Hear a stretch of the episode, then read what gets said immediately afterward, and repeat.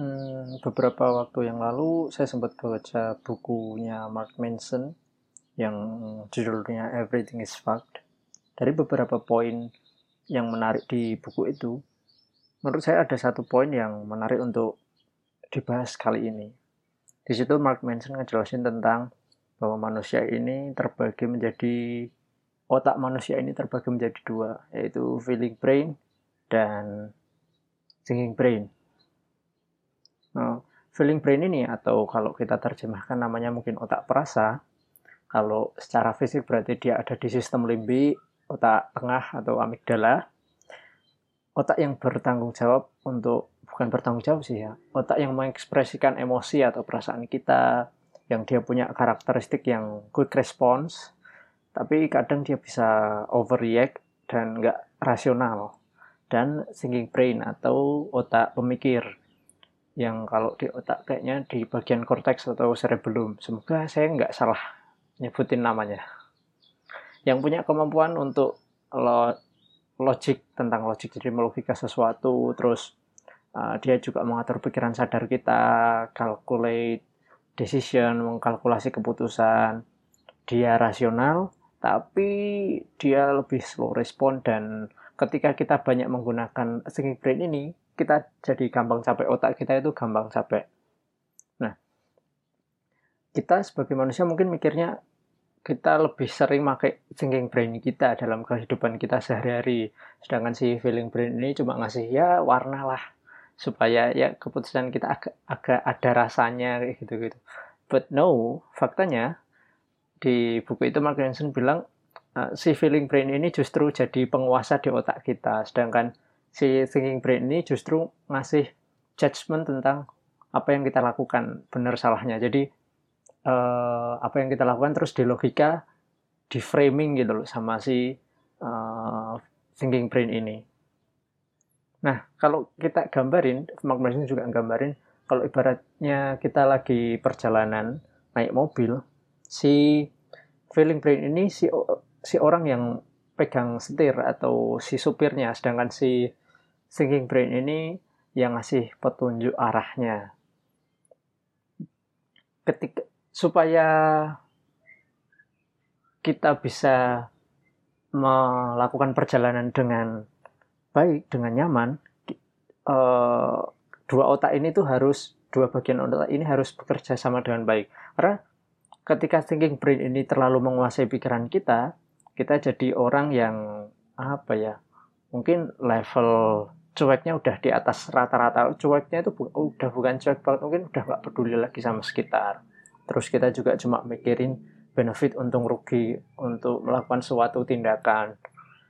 Kita juga jadi orang yang nggak berperasaan. Terus karena kita nggak bisa merasakan emosi-emosi atau perasaan-perasaan di sekitar kita hidup kita rasanya jadi void atau hampa kayak gitu. Nah sama juga misalnya eh, feeling brain yang menguasai pikiran kita uh, kita juga jadi orang yang impulsif, egois. Kita mengedepankan perasaan, nggak mikir dulu apa akibatnya.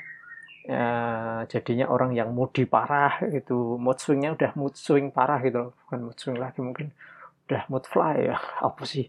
Terus kepala batu dan nggak bisa dikasih tahu lah gitu pokoknya pokoknya uh, kalau dikasih tahu meskipun kita ngasih taunya itu uh, masuk akal ya nggak bisa nggak bisa masuk aja ke pikiran kita. Atau ya pikirannya itu kayak tertutup terbutakan kayak gitu. Kenapa uh, feeling brain dan thinking brain ini jadi bahasan menarik kali ini? Karena kalau kita lihat uh, sekitar kita kita mungkin sering loh menjumpai orang-orang yang hmm, kepala batu susah dikasih tahu nih uh, misalnya kayak paling simpel nih orang yang bucin akut. Kalau dalam masa PDKT misalnya hmm, udah tahu di BHP masih aja berharap. Atau kalau udah dalam suatu hubungan kita lihat sebenarnya banyak eh, bukan ya banyak sih karena lebih dari satu juga. Banyak orang-orang yang berada di dalam toxic relationship. Udah di uh, dikatain yang jelek-jelek tiap hari tiap waktu atau bahkan ada yang sampai di physical abuse. Tapi masih aja bilang aku tuh sayang sama dia. Aku yakin dia suatu saat berubah. Aku yakin dia suatu saat berubah. Ini padahal ya sebenarnya mungkin orang itu tahu bahwa uh, pasangannya ini nggak akan berubah. Kalau dia yang, yang bisa berubah ya harusnya dia dari dulu udah berubah kayak gitu dong.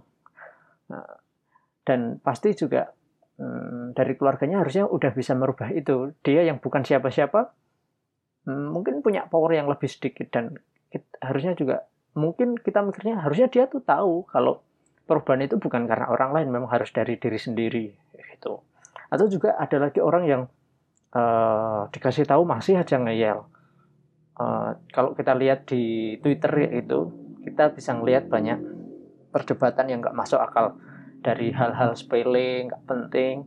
Sampai ada juga yang orang kalau saya saya ngelihat sih ada yang sampai kalau misalnya berurusan dengan keyakinan atau agama terutama agama Islam ya ada orang yang asal menafsirkan hadis berdasarkan pengalaman. Jadi kalau menurut saya sih kayak gini sih boleh.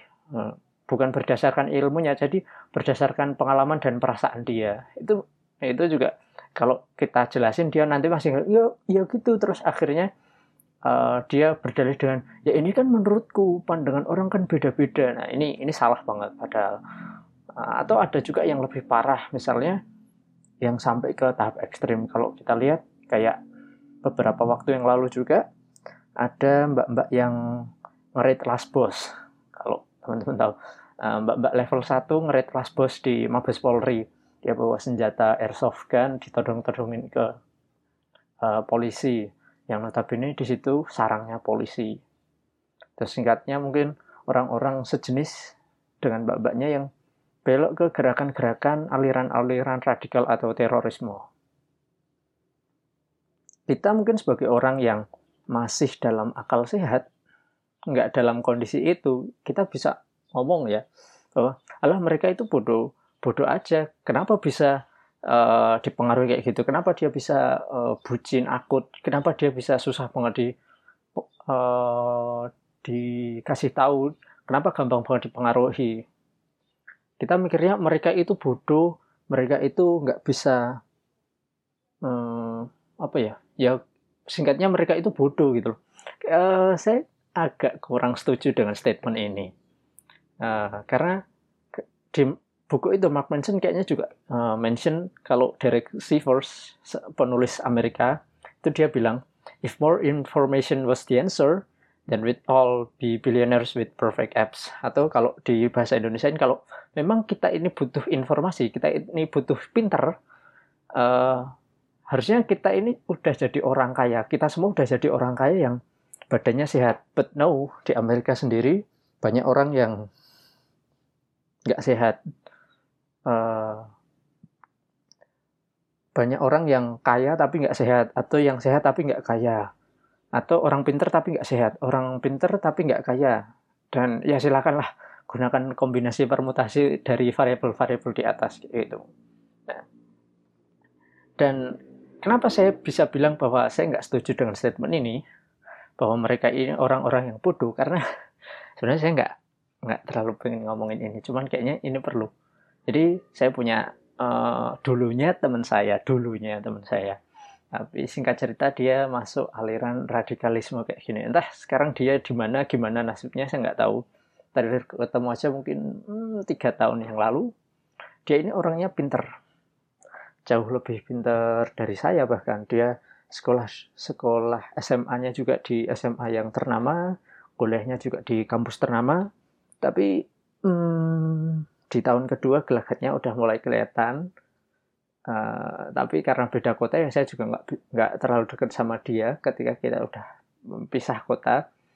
Saya nggak tahu gimana. Pada akhirnya belok juga. Nah ke aliran kayak gitu. Padahal dia ini pinter loh. Saya, saya bisa jamin dia ini pinter jauh lebih pinter dari saya. Nah makanya saya bisa bilang uh, kalau pinter itu sebenarnya nggak cukup. Nah terus gimana dong?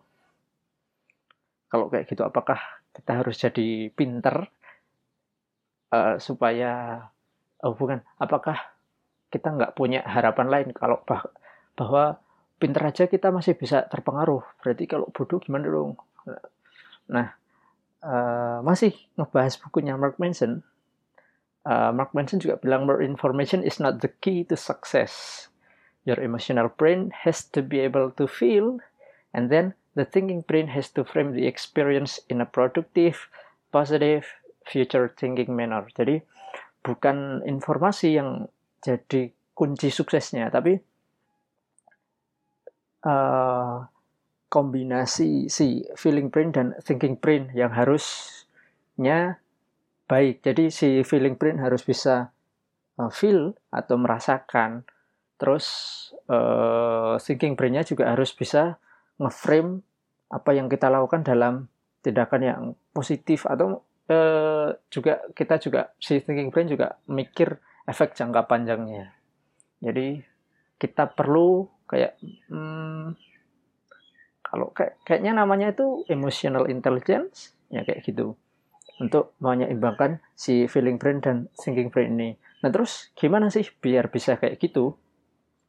Nah kalau saya uh, setelah saya baca-baca, menurut saya langkah pertama untuk bisa menyeimbangkan si feeling brain dan thinking brain ini kita juga pertama harus mengakui dulu nih kita nggak denial kalau sebenarnya uh, kita ini bergerak berdasarkan emosi kita kita memang mostly bergerak berdasarkan si feeling brain kita. Kok kenapa kita harus mengakui dulu bahwa kita memang bergerak berdasarkan emosi kita? Karena sama kayak misalnya orang mau belajar. Orang yang mau belajar itu ya harus ngaku dulu bahwa dia itu merasa bodoh. Dia ngaku nih, aku ini nggak pinter-pinter amat. Ya, meskipun untuk standarnya teman-temannya yang lain mungkin dia dianggap pinter, tapi dia harus yakin bahwa aku ini nggak pinter-pinter amat. Jadi aku harus belajar, aku harus baca buku, aku harus do this, do that. Karena kalau misalnya nggak ada pengakuan dari dalam diri kalau kita ini nggak pinter, ya mau baca buku berapapun nggak akan masuk ilmunya. Kayak gitu. Nah, setelah kita udah mengakui bahwa kita ini uh, bergerak berdasarkan emosi, hmm, kita juga membekali dengan emotional intelligence, bukan cuma ngasih nutrisi ke thinking brain kita sehingga nanti kita dikuasai oleh thinking brain, kita juga harus belajar tentang empati. Eh, lagi-lagi uh, kayaknya untuk terkait empati dengan orang ini kita juga harus ketemu banyak orang juga. Kita harus ketemu orang yang variatif, kita harus ketemu dengan kondisi-kondisi yang variatif yang ketemu banyak orang yang berbeda. Jadi supaya kita bisa menambah pengalaman-pengalaman di feeling brain kita kayak gitu. Jadi kita juga bisa tahu how to deal with people with different personality. Karena semakin meningkatnya kecerdasan emosional kita tadi, kemampuan otak, otak kita tadi kan jadi komunikasi dan kerjasama juga makin baik. Akhirnya kita bisa jadi ngasih judgement yang lebih baik. Uh, ketika kita punya judgement yang lebih baik, kita juga terhindar dari berbagai macam bias kognitif, bias, uh, terus uh, apalagi ya kita juga bisa hmm, karena kita bisa deal with uh, our emotional kita bisa deal dengan kita bisa berurusan yang lebih baik dengan orang-orang sekitar kita. Kita juga nanti uh, at the end at the end of the day efeknya juga kita jadi orang yang lebih apa ya lebih bahagia kayak kayak gitu. Karena apalagi sih yang dicari kalau bukan hmm, bahagia? Kita tuh uh, karena nantinya yo hidup juga akan apa ya mencari kebahagiaan juga uh, gitu. Nah, salah satu cara untuk mencapai kebahagiaan adalah uh, mengkombinasikan uh, bukan bukan mengkombinasikan tapi hmm, memfungsikan kedua otak kita dengan baik uh, untuk inner health yang lebih baik. Nah, gitu jadi hidup bahagia adalah tujuan kita semua teman-teman. Yey.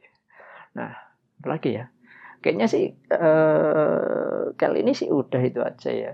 Uh, saya juga bingung sebenarnya mau menjelaskan ini gimana lagi. Tapi intinya adalah uh, intinya gitu. Kita kita harus yakin kita bukan yakin kita harus mengakui kita ini bergerak berdasarkan emosi dan kita nggak perlu untuk suppress atau menekan emosi kita untuk jadi orang yang kalem itu bukan berarti kita harus uh, menekan emosi kita juga dan mengandalkan pikiran kita terus menerus pun juga untuk jadi orang yang bisa bahagia merasakan emosi sekitar, kita juga nggak harus mengandalkan perasaan kita terus menerus dan kita mengabaikan pikiran kita. Just combine both. Let those brain works kayak gitu. Anyway, mungkin uh, kali ini itu aja. Hmm, apalagi? Dah. Semoga bermanfaat. Have a great day.